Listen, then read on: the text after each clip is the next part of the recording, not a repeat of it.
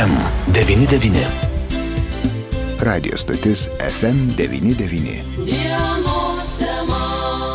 Studijoje prie mikrofono Liudas Ramanauskas dienos temoje mes e, pakalbėkime apie tai, kas jau skambėjo ir mūsų žiniuose, apie tai, jog Lietuvos žurnalistų sąjunga šiandien pasmerkė Kauno mero Visaldo Matijo Šaičio elgesį su žurnalistais ir apie tai kalbame su žurnalistų sąjungos vadovu Dainiumi Radzevičiumi. Labadiena, gerbiamas Dainiau. Gerą dieną jums ir klausytėm. Na, nežinau, ar gera diena buvo šiandien Kauno merui Matijo Šaičiui, jis e, ne pirmą kartą, ko gero, pasižymėjo štai tokiomis replikomis, bet šiandien matyti jau buvo pasiektas dugnas ar dangus, aš net nežinau, kaip galima būtų tai įvertinti, bet tai mano klausimas remiantis į konkretų Kauno mero Visvaldo Matijo Šaičio elgesį su žurnalistais vis dėlto, ko gero, ar nereikėtų jau ir plačiau diskutuoti apie politikų elgesį su žiniasklaidos atstovais ir žurnalistais. Tai šios dienos įvykis galbūt tik tai toks vienas iš trumpų fragmentų. Taip, vienas iš tų fragmentų ir mes, aišku, Lietuvoje stebėjom pasaulyje tokius irgi, na, žinomus ryškius politikus, kaip, kaip ponas Trumpas, buvęs Amerikos prezidentas prezidentas ar, ar koks nors ponas Putinas Rusijoje, kurie irgi panašių stilium e, būdu bandė rodyti savo autoritetą, paneigdami esminį e, demokratinėse visuomenėse priimtą principą, jog vis dėlto ne žmonės tarnauja politikam, o politikai turi tarnauti žmonėms, dėl to jas renkame, juos samdome dėl to. Tai e, labai sunku, aišku, m, suprasti, kaip politikas per kurį nors laiką pamiršta, kad vis dėlto jis yra pasamdytas žmonių ir jeigu žmonėm kyla klausimai dėl jo darbo, dėl jo veiklos, dėl jo tinkamumo tom pareigom dabar ar ateityje, tai pirmą, ką reikia daryti mandagiai, pabandyti paaiškinti, o ne siūsti kur nors toliau, toliau ir po to bandyti vaidinti, kad esi pasaulio caras. Tai čia, čia aišku, pradžiamokslis, kurį patyrę politikai išmoksta labai greitai, o kai kurie panašu, kad neišmoksta niekada. Na, bet tai Visaldas Matijošaitis, septinti metai Kauno mero, antra kadencija baigėsi, tai tų pamokų jau, man rodos, laiko pamokoms tikrai buvo užtektinai. Tai aš dar bandžiau turbūt pasakyti, kad e, gabus politikai, e, net jeigu yra tik pradedantieji, na paprastai yra tokia net tradicija beje demokratinėse šalyse, kad pirmas šimtadienis politikų užėmus aukštus postus yra ir žurnalistų, ir visuomenės traktuojamas kaip toks tolerancijos laikotarpis, per kurį politiką mažiau kritikuoja, leidžia jam įsivažiuoti, įsibėgėti su savo darbais, su savo naujom pareigom, apsiprasti. Na ir jau po to pradeda reikalauti, žiūrėti, ar tie pažadai, kurie buvo išdalinti iki rinkimų, yra vykdomi. Ir tai dažniausiai klausima nuolatos e, tai, kas žmonėm rūpi. Tai, tai kai kurie savo politikai per tą šimtą dienų išmoksti, kai kurie iki tol, o kai kurie dėja panašu, kad ir, ir, ir po antros kadencijos ne visada supranta priešingai. Netgi elgesi gana nekultūringai apskritai bendraudami su žmonėm. O šiuo atveju Kauno meras, mano galva, padarė labai negražų dalyką, todėl kad Kaunas yra beje šiais metais Europos kultūros sostinė. Taip, taip. Tai sunku įsivaizduoti, kad miesto veido, būdamas meras, taip nekultūringai atsakytų žurnalistams, kurie viso labo paklausė nu, dviejų elementarių klausimų. Taip. Ar planuoja targavot, reiškia, su Rusija toliau jo verslai ir ar planuoja jisai būti meru. Na tokie nekalti klausimai ir pasirodo tokie skausmingi merui, matyt, matyt kažką jisai jaučiasi ne taip darantis, nes tas piktis jo toks, tokia reakcija buvo akivaizdžiai ne, ne visai sveiki. Be jokios abejonės, kaip ir noras, ko gero, pagal kažkokius niekam nežinomus kriterijus atsirinkinėti žurnalistus. Beje, politikai tą dažnai daro, jie atsirinkinėja, jeigu ne žurnalistus, nors tokiu atveju irgi yra, bet bent jau atsirinkinėja klausimus, į kuriuos atsakymo e, taip ir gali nesulaukti. Bendra tendencija, dainiau, kaip galėtumėte vertinti? Aš puikiai suprantu, kad Trumpas atvėrė Pandoros skrynę, ar ne, ir tokiam elgesiui, tokiam arogantiškam arogantiškam, nepagarbiam elgesiui. Tuo modeliu pradėjo daug kas bandyti netgi kopijuoti kai kurias jo elgsenos detalės. Bet iš esmės gyvename 22-21 amžiaus metais ir gyvename tikrai neramiame pasaulyje, ar ne? Ir galime palyginti ir įvairiaus lygio politikus ir jų gebėjimą bendrauti. Na, paimkime tą patį Ukrainos prezidentą, kuriam ko gero įtampų ir sudėtingų situacijų karo metu taip pat netrūksta. Ir labai džiaugiuosi kad paties liudai buvo paminėtas Ukrainos prezidentas Vladimiras Zelenskis, kurį, kurį bent jau kai kurie užsienio leidiniai vardino kaip įtakingiausią politiką. E, mes matėm, kaip jisai bendravo ir, ir tai yra internete po šiai dienai įrašas vaizdo, kaip jis bendravo su Rusijos žurnalistais. Taip šalies, kuri, kuri užpuolė jo šalį ir, ir, ir, ir, net jeigu tai buvo opoziciniai žurnalistai,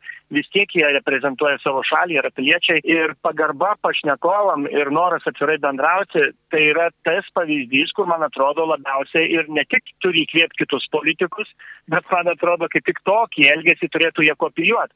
Nes Mes žinom, kad blogi pavyzdžiai yra užkrečiami, bet protingi ir išmintingi, ypač politikai, e, vaikosi ne kvailų madų ir mačio įvaizdžio, bet e, galvoja apie savo ateitį, kaip jį kaip politiką vertins žmonės tada, kai jis jau nebebus savo galios pozicijoje. Ir man atrodo, ne visi supranta ir ne visi dėja, bet skaito turbūt knygas, kuriuose labai daug istorijų yra, jog tie, kurie nori karaliauti ir carauti, pamiršdami paprastus žmonės, na, dažniausiai jie būna laikomi anksčiau ar vėliau kaip nevykusiais e, piktavalės e, valdovais ir, ir tas galioja ir politikams šių dienų. Beje, e, Kauno meras Visvaldas Matėjo Šaitės po to atsiprašė, bent jau BNS gavo jo atsiprašymą, bet aš pacituosiu, kad būčiau tikslus. Kauno meras pareiškė, nemėgstu pigių provokacijų, esu gerokai nuo jų pavargęs, atsiprašau, jeigu įžeidžiau savo karštą reakciją pasikartojančius tos pačius klausimus. Na, pati atsiprašymo forma, mano nuomonė, vis dėlto tik įrodo, kad savo pozicijos ir savo nuomonės jis nekeičia.